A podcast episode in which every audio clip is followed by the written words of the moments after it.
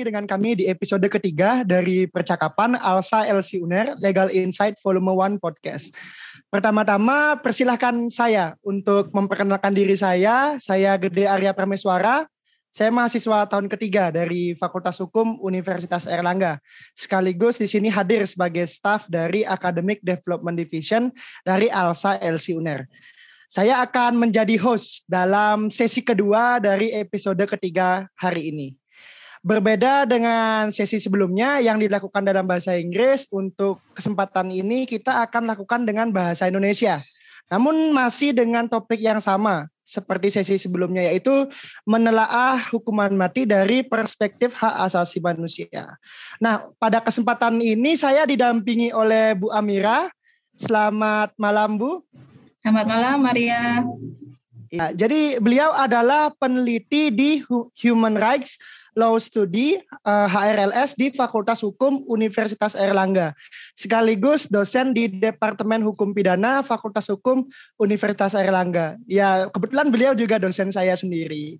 Baik, tanpa harus berlama-lama lagi, kita mulai saja ya, Bu ya. Ya. Baik, Bu. Silakan. Baik, sebelumnya selamat malam Ibu. Gimana kabarnya? Baik?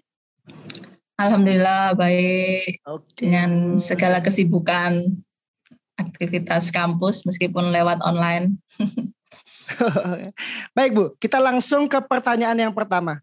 Uh, seperti yang kita ketahui Bu, bahwa hukuman mati itu kan masih berlaku di Indonesia. Nah, hmm. untuk pengaturannya sendiri itu bagaimana ya Bu dalam peraturan perundang-undangan kita? Oke, di Indonesia ya saat ini. Uh, ya, sebelum ngomong saat ini kita perlu lihat, uh, mungkin melihat uh, sejarah ya, sedikit sejarah eh, latar belakang sejarah dan political dan konteks politisnya, bagaimana penerapan uh, hukuman mati di Indonesia. Jadi sebagaimana kita tahu hukum, hukuman mati ini bukan satu-satunya jenis pemidanaan di Indonesia, ada dari ada variannya, ada beberapa banyak gitu ya. Nah, bagaimana ada hukuman mati ini hadir di Indonesia? Kalau kita shortcut eh, apa singkatnya kan memang itu ada di KUHP yang itu warisan kolonial. Tapi sebenarnya jauh sebelum itu sejak sebelum ada apa bangsa Eropa menjajah kita di zaman raja dan sultan di Nusantara itu juga sudah menerapkan yang namanya hukuman mati gitu kan kepada apa misalnya pada budaknya atau kepada mereka yang Oh, itu.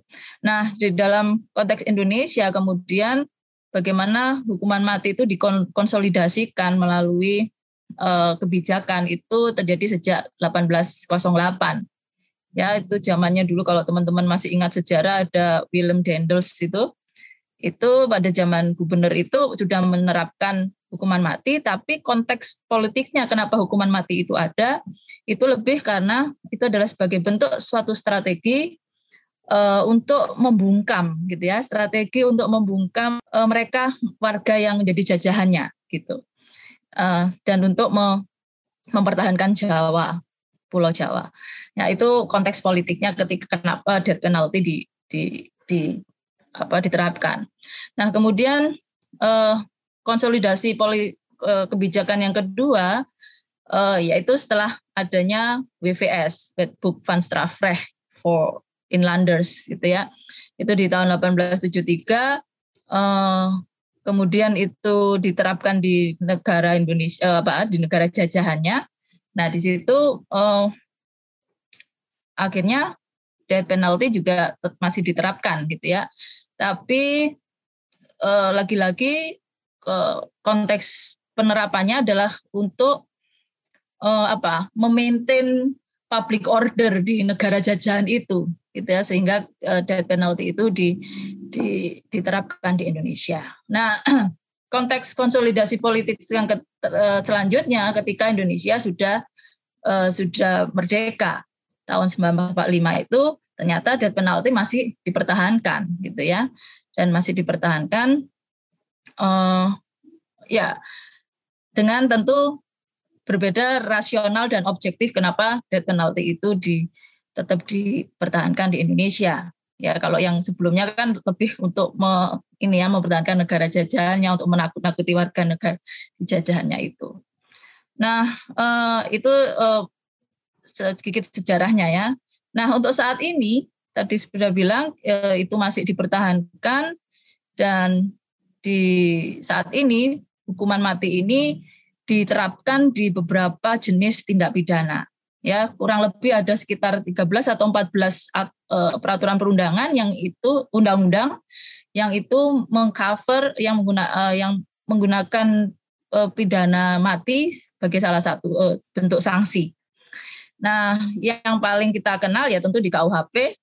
Teman-teman yang Fakultas Hukum pasti masih ingat itu ada di pasal 10 ya. Pasal 10 itu ada berbagai jenis uh, tindak apa berbagai jenis hukuman itu salah satunya adalah hukuman mati. Nah, yang mungkin membedakan uh, uh, metode ya metodenya kalau dulu uh, itu digantung, kalau sekarang metodenya berubah dengan misalnya ditembak gitu dengan cara ditembak. Nah, tapi kalau tanya existing rules yang saat ini kurang lebih ada sekitar 14 uh, 14 undang perundang eh, undang-undang yang itu masih ada mengandung uh, penggunaan hukuman mati. Kemudian apa ya? Ya, misalnya di KUHP itu sendiri ada beberapa pasal ya kita tahu dari pasal ada terkait dengan makar itu juga masih menganut hukuman mati apa hukuman maksimumnya ada hukuman mati kemudian ada pembunuhan yang direncanakan ya pasal 340 kemudian pasal 365, eh, kemudian pasal 444. Jadi ada beberapa pasal di KUHP yang itu masih menerapkan hukuman mati. Kemudian yang apa pasca itu ada lagi beberapa perundang-undangan perundangan terkait dengan narkotika, kemudian tentang korupsi, tentang terorisme, kemudian undang-undang di peradilan HAM itu juga di situ ada menyertakan hukuman mati di dalam peraturan perundang-undangan. Jadi kurang lebih ada sekitar 14 peraturan perundangan. Yang, dan yang juga masih banyak adalah di Kitab Undang-Undang Hukum Pidana Militer. Itu ada sekitar 16 pasal yang itu men, uh, menerapkan hukuman mati untuk jenis kejahatan-kejahatan tertentu. Ya, uh, ya, itu kurang lebih seperti itu. Ada sekitar 13 atau 14 perundangan, peraturan perundang-undangan atau undang-undang yang itu ada hukuman matinya untuk saat ini hingga saat ini gitu. Itu Arya. Baik Bu, jadi masih banyak ya pengaturan terkait hukuman mati itu. Tapi uh, kita kan juga uh, tahu Bu bahwa di Undang-Undang Dasar sendiri konstitusi kita itu mengatur tentang hak hidup dan juga di dalam hmm. Undang-Undang HAM dan Konvenan Hak Sipil dan Politik kita ketahui bahwa hak hidup itu salah satu uh, non derogable right atau hak yang tidak dapat dibatasi pemenuhannya. Nah, lalu kan hukuman mati ini masih diterapkan di peraturan perundang-undangan.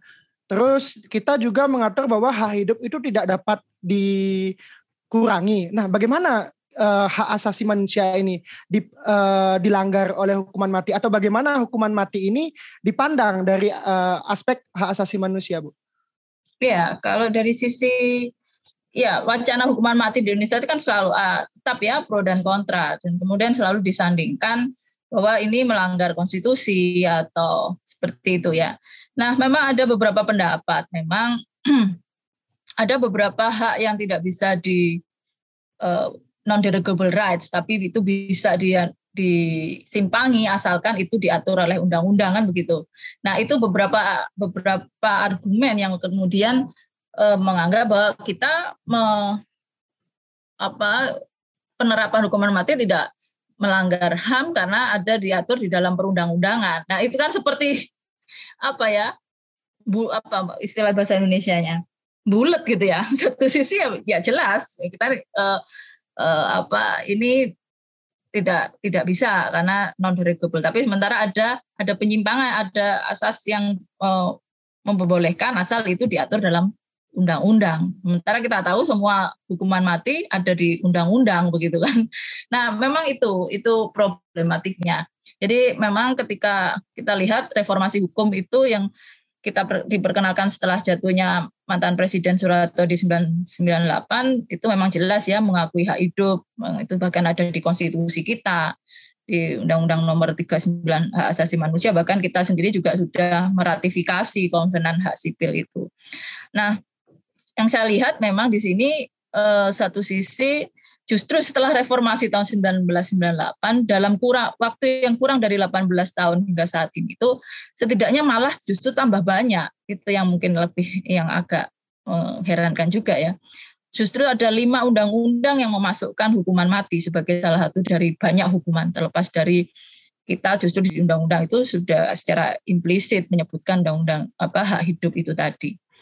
Uh, meskipun kesannya hanya tambahannya ada lima undang-undang, justru jumlah pasal yang memasukkan, tapi di dalam jumlah di dalam pasal-pasalnya dalam undang-undang itu uh, itu jumlahnya justru meningkat dua kali lipat gitu. dibandingkan jika itu jumlah pasal hukuman mati selama periode misalnya 1945 sampai 1998. Nah di sini memang saya lihat uh, sikap politik pemerintah tentang hukuman mati itu ambigu begitu ya.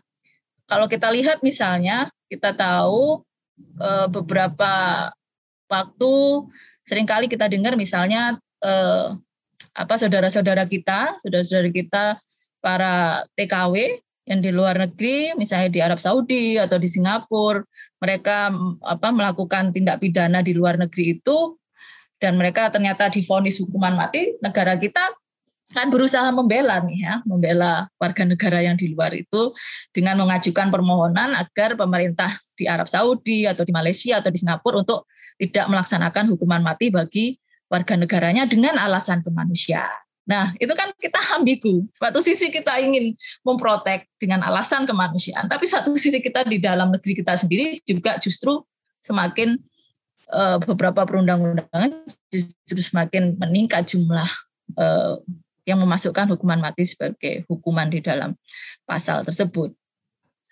Uh, ya itu sih yang, yang itu yang saya lihat bahwa uh, uh, ya ada ada keambiguan sikap di situ ya. Nah, satu sisi kita ingin memprotek dengan alasan kemanusiaan, tapi hal lain uh, justru di peraturan perundang-undangan kita juga masih banyak. Jadi kritiknya tentu ya bagaimana kita akan melindungi warga negara yang di luar seandainya itu nanti mereka rentan dengan uh, dijatuhi hukuman mati misalnya seperti itu itu itu kita lihat dari sudut pandang seperti itu ada keambiguan memang gitu Baik Bu, dengan uh, keadaan yang demikian, berarti kan uh, hukuman mati ini masih diberlakukan di Indonesia.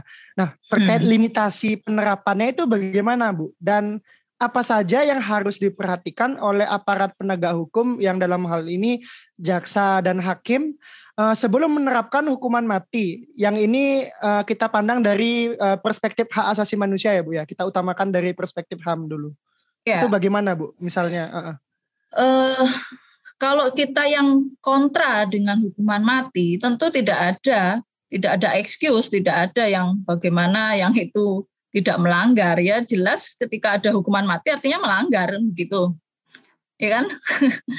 Nah kalau itu yang dari perspektif kontra ya. Kita yang uh, against human uh, against hukuman mati pasti menganggap ya segala jenis bentuk ketika hukuman mati itu diterapkan ya pasti melanggar. Entah itu mau dibuat model peraturan seperti apa. Nah tapi kan satu sisi kita tahu masyarakat masih terbelah. Ada yang ada yang kontra, ya ada yang pro, misalnya pro hukuman mati. Nah, dianggap bahwa hukuman mati itu enggak apa-apa, asalkan misalnya dia, tadi itu diatur di dalam undang-undang, kemudian ya itu tadi tidak bertentangan dengan undang-undang 45, ya, eh, dan ke, kenapa tidak benar karena dianggap bahwa tidak ada satu ke, satu pun ketentuan dalam UUD hasil amandemen yang menghapus hukuman mati. Jadi makanya dianggap tidak menghapus eh, dianggap tidak melanggar UUD 45. Itu ada beberapa misalnya tokoh yang berpendapat seperti itu atau ada beberapa ahli hukum yang berpendapat seperti itu. Misalnya salah satu hakim konstitusi pada waktu itu ada yang berpendapat seperti itu. Jadi tidak bertentangan dengan UUD 45 karena dianggap di dalam UUD 45 hasil amandemen tidak ada yang menghapus namanya hukuman mati. Jadi bahkan sejumlah misalnya eh, beberapa ketua komisi di DPR itu ya juga masih menganggap hukuman mati itu tidak masalah gitu ya karena uh, asalkan misalnya dilakukan dengan cara-cara yang manusiawi. Apa yang dianggap sebagai manusiawi misalnya? Kalau dulunya digantung, nah sekarang dipikirkan dengan cara yang lebih manusiawi lagi, yang itu meminimalisasikan rasa sakit yang dirasakan oleh mereka yang dihukum uh, mati itu tadi. Misalnya kalau digantung tuh rasa sakitnya itu lebih panjang, makanya dicoba metode yang itu memperpendek rasa sakit yaitu ditembak. Itu pun masih uh, berkembang lagi. Oh mungkin ditembak bisa ada lagi cara lain selain ditembak. Misalnya apa yang bisa. Itu kan masih dipikirkan. Jadi hal-hal seperti itu. Kemudian misalnya eh, hukuman mati harus dipertimbangkan secara konsisten dan tidak diskriminatif. Nah hal-hal seperti itu yang dianggap bahwa hukuman mati itu masih eh, dianggap eh, apa ya tidak melanggar aspek kemanusiaan selama itu masih di koridor-koridor itu diterapkan. Tapi sekali lagi kalau dalam koridor, kalau dalam perspektif mereka yang tidak setuju dengan adanya hukuman mati, segala bentuk hukuman mati itu entah ya apa caranya ya itu sudah tidak bisa diterima begitu. Kalau pertanyaanmu tadi tentang apakah masih ada masih bisa gitu ya. Ini hukuman mati yang tidak melanggar HAM ya. Kalau yang kontra pasti hukuman mati itu melanggar HAM. Nggak ada ceritanya hukuman mati tidak melanggar HAM gitu. Tapi itu kan untuk yang pro itu masih oke okay lah. Nggak apa-apa hukuman mati asalkan begini begini begini. Nah itu itu yang bisa saya jawab. Jadi ya ada beberapa hal itu yang dianggap oke okay, selama prosesnya metodenya itu eh, apa tidak menyebabkan rasa sakit yang eh, ya itu tadi ya metodenya itu seperti apa uh, kemudian diatur dalam undang-undangan gitu. Dan kemudian misalnya misalnya nih ya di RUU KUHP kita itu mungkin dianggap sebagai bentuk yang soft gitu ya. Meskipun hukuman mati masih diadakan uh, itu masih misalnya ada batasannya bahwa uh, mereka tidak langsung dieksekusi tapi harus menunggu dulu ada masa tunggu. Mungkin masih masih ada kesempatan uh, mendapatkan apa pardon misalnya. Atau uh, di KUHP RKUHP itu disebutkan ada masa suspend selama 10 tahun. Dengan kondisi-kondisi misalnya bagaimana public reaction terhadap si terdakwa yang akan dihukum mati tersebut. Kemudian eh, apa? Jadi si terdakwanya itu tadi menunjukkan regret atau eh, ada kesempatan untuk mengkoreksi atas apa yang dia perbuat misalnya. Ada ada di RKUHP itu misalnya itu ada sejumlah sejumlah batasan-batasan seperti itu. Ya, meskipun meskipun hukuman mati itu tetap ada, tetap dicantumkan, tapi ada semacam eh, apa layer-layer, ada batasan-batasan. Jadi itu mungkin dianggap oleh mereka yang kontra itu dianggap masih oke okay, ini masih apa bisa diterima lah kalau dengan ada sejumlah uh, sejumlah pembatasan-pembatasan. Tapi tentu kalau sekali lagi kalau dalam kacamata mereka yang kontra apa pun bentuknya mau pembatasan apa hukuman mati ya bluntly hukum mati adalah oh, melanggar hak asasi manusia. Itu. Oke, baik Bu. Jadi uh, di sesi sebelumnya dengan Pak Sebastian itu di Kanada ternyata sudah dihapuskan Bu hukuman mati iya. karena menurut hmm. uh, menurut hakim di sana ada approach yang berbeda uh, untuk mm -hmm. memberikan rasa jerah itu sendiri. Nah, mm -hmm. kita kan sering dengar guyonan nih, apalagi tentang korupsi pejabat-pejabat itu. Kalau uh, di Indonesia tuh penjahatnya nggak takut Tuhan gitu. Nah, mm -hmm. apakah di Indonesia itu ada upaya penghapusan hukuman mati seperti di Kanada, Bu? Apakah ada approach yang lebih memberikan efek jerah dari hukuman mati, Bu, di Indonesia? Adakah upayanya? maksud uh, oke okay, upaya untuk menghapuskan hukuman mati. Kalau dalam pandangan saya dan beberapa dari hasil sejumlah penelitian, hukum menghapus hukuman mati di Indonesia itu menurut saya masih dalam taraf wacana, gitu ya.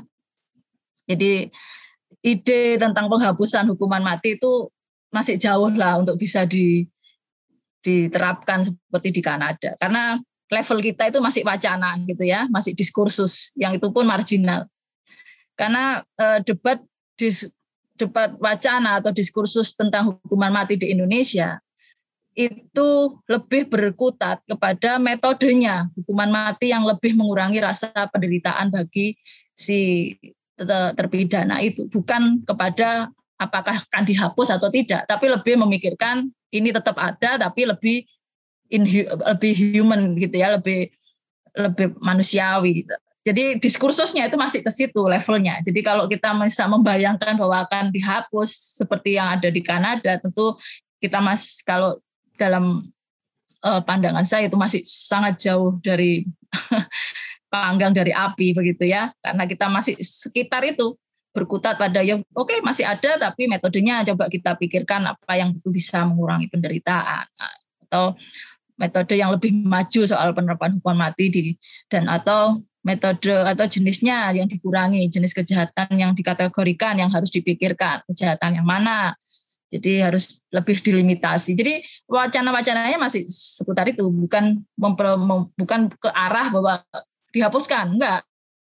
Tapi masih dalam bagaimana melimitasi itu aja.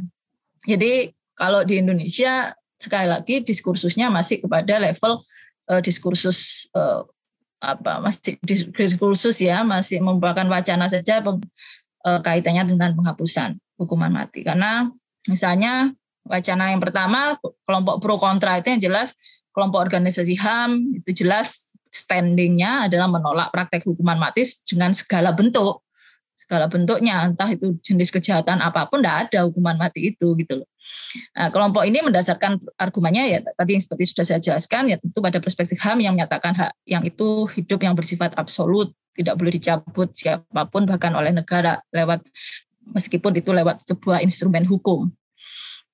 Dan terlebih lagi kalau di kelompok-kelompok organisasi HAM yang standingnya adalah menghapuskan hukuman mati itu eh, melihatnya seperti ini karena penegakan hukum dan HAM yang masih buruk di Indonesia, aparat peradilan yang masih korup dan praktek fair, fair trial yang belum tentu ter, terpenuhi, ini salah satu yang menyebabkan mereka standingnya adalah menolak segala bentuk praktek hukuman mati gitu ya. Ya kita tahu praktek-praktek korup itu di hampir terjadi di semua lini sistem peradilan pidana kita bahkan yang sampai yang terakhir di lembaga pemasyarakatan. Nah seperti itu kan eh, ada sejumlah penelitian bahkan eh, hukuman mati itu diterapkan justru pada jenis-jenis kejahatan misalnya pembunuhan atau gitu ya kalau korupsi karena tidak ada satupun yang eh, dijatuhkan. Artinya kan di situ kita ini penerapan hukuman mati pun juga masih diskriminatif kan begitu. Kan itu justru malah juga memperparah lagi uh, kondisi ya. Satu sisi itu melanggar ham dan satu sisi juga ada diskriminasi gitu. Nah kemudian kedua diskursus kursus yang kedua yang dominan itu justru tema hukuman mati itu tetap dipertahankan gitu. Ya kelompok-kelompok yang dominan juga terdiri dari para pejabat negara mulai dari presiden saja kita tahu misalnya di zaman Pak SBY juga eh, di dalam debat capres dan cawapres juga masih pada zaman Pak SBY waktu itu hukuman mati dianggap sebagai ya itu eh, apa alat penjara yang terbaik gitu ya. Kemudian di zaman Pak Jokowi juga begitu ya bahkan ya eh, untuk menghadapi narkoba misalnya yaitu salah satunya untuk menakuti menakuti adalah memberikan efek jerah adalah melalui hukuman mati. Jadi itu yang masih ada di kita masih dalam taraf wacana ya tidak bukan wacananya baru wacana menghapuskan ya dan dan dan ya masih jauh lah kalau kita mau bermimpi seperti apa yang ada di Kanada bahkan sejumlah pejabat negara, ya pembuat hukum itu ya juga masih berorientasi seperti itu. Uh, ya bahkan kita lihat kalau misalnya ditanya kita kira-kira gimana nih Bu Indonesia? Lah kita lihat RUU KUHP-nya aja masih seperti itu meskipun ya memang lagi-lagi ya diperhalus ya, ya di, secara soft bahwa oke okay, masih ada tapi dengan eh, tahapan-tahapan uh, yang seperti ini seperti itu yang itu dianggap lebih humanis gitu. Uh, jadi itu uh, Arya, saya pikir kalau misalnya tadi dikaitkan dengan kondisi di Kanada, bagaimana dengan Indonesia prospeknya? Saya hanya bisa bilang prospeknya masih jauh kalau kita mau menyamakan dengan apakah bisa kita bisa sampai seperti Kanada. Karena kita di sini sekarang ini level kita masih cuma wacana. Kalau bukan wacananya bukan untuk menghapus, tapi lebih untuk mendiskusikan bagaimana metode hukuman mati itu dilakukan dengan cara yang lebih uh, humanis, dengan cara-cara misalnya yang itu tidak diskriminatif atau apa, lebih ke sana. Jadi tidak tidak dalam rangka untuk menghapuskan, tapi lebih dalam memikirkan bagaimana metodenya. Itu. Oke, baik Bu. Di sini kan Ibu itu sebagai akademisi atau dosen hukum pidana dan juga peneliti di Human Rights Law Study untuk ibu sendiri itu berpendapat di hukuman mati ini ibu pro atau kontra bu? Saya. Kalau ibu sendiri, uh, uh, opini ibu stand sendiri. Saya, iya. Stand saya kontra. Uh, ya, dengan kenapa, sejumlah kenapa, bu? karena sejumlah alasan yang saya sebutkan tadi. Uh, selain ya prinsip HAM, tapi kita juga lihat bagaimana praktek penegakan hukum di Indonesia. Hukuman mati itu diterapkan kepada siapa? Gitu ya. Diskriminasinya masih sangat besar. Kemudian fair trial kita juga masih banyak hal yang dipertanyakan. Uh, itu uh, sekali lagi ketika kelompok kontra itu tidak eh, kelompok kontra itu tidak menyetujui hukuman mati bukan berarti kita tidak mau penjahat itu di dihukum. Bukan itu mindsetnya. Tapi bagaimana kita menciptakan sebuah hukuman yang itu bisa rehabilitatif gitu kan? Uh, itu. Dan banyak faktor yang dalam koridor sistem peradilan pidana kita yang perlu diperbaiki gitu. Nah, itu itu yang uh, stand saya. Baik bu. Ah, ini saya penasaran bu terakhir terakhir dari saya. Uh, semisal bu ada anak yang ini dia uh, hanya punya satu orang tua. Uh, misalnya ayah hanya punya satu orang tua.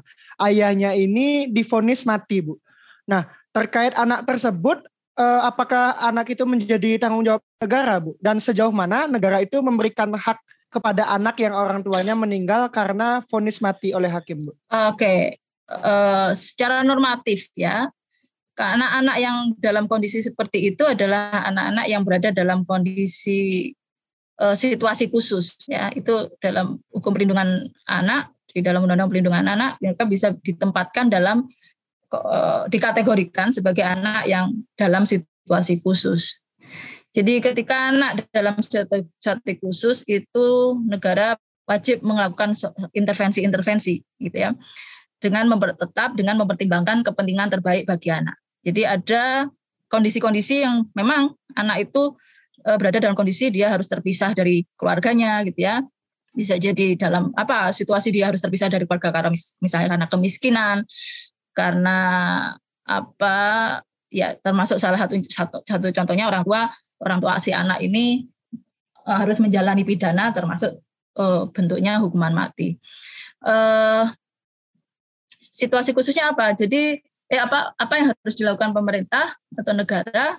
Uh, mereka harus mendapatkan perlindungan khusus. Nah, bentuk perlindungan khususnya bisa uh, ada yang namanya alternatif pengasuhan terhadap anak. Nah, uh, alternatif pengasuhan terhadap anak ini apa artinya? Ya anak yang berada dalam kondisi seperti situasi khusus tadi bisa diambil alih pengasuhannya oleh negara.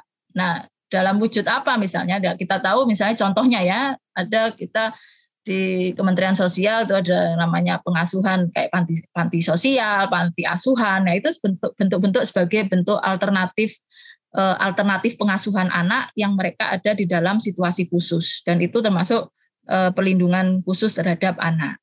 Jadi itu pertama intervensi yang dilakukan tentu dan juga harus ada dibuat prosedur-prosedur perundang-undangan untuk pemis, uh, ketika anak itu harus dalam kondisi terpisah atau ter, dipisahkan dari uh, orang tuanya. Nah sekali lagi tapi di sini harus juga dilihat pemisahan terhadap orang tua itu tidak hanya dilihat semata-mata orang tua itu kon, apa hanya ayah dan ibu tapi harus dilihat juga keluarganya apakah masih ada keluarga yang apa punya hubungan darah ke samping ke atas kayak gitu-gitu ya.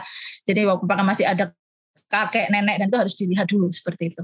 Jadi memang alternatif pengasuhan, alternatif pengasuhan ketika anak dalam situasi khusus tidak semata-mata langsung anak itu dicomot oleh negara, tapi harus dilihat dulu bagaimana kondisi latar belakang keluarga yang lainnya seperti apa. Tetap ketika anak itu di dalam situasi khusus eh, harus mempertimbangkan kepentingan terbaik bagi anak apa begitu. Jadi memang itu eh, memang negara punya kewajiban untuk mengintervensi kondisi-kondisi ketika anak ada dalam eh, kondisi situasi khusus. Itu Arya.